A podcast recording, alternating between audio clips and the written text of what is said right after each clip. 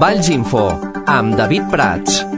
El govern espanyol declara l'estat d'alarma per la crisi del coronavirus. El govern espanyol ha acordat declarar l'estat d'alarma per la crisi del coronavirus en un Consell de Ministres que se celebrarà dissabte.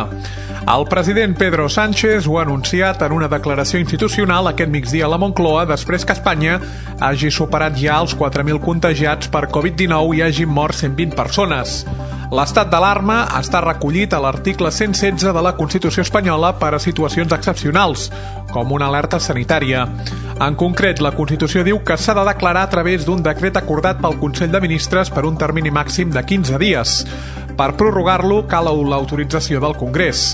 L'última vegada que es va declarar l'estat d'alarma va ser durant la vaga de controladors aeris de l'any 2010.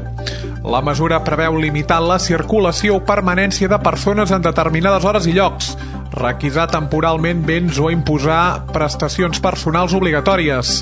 També es podran intervenir indústries i negocis a més de limitar o racionar l'ús de serveis o el consum de productes de primera necessitat.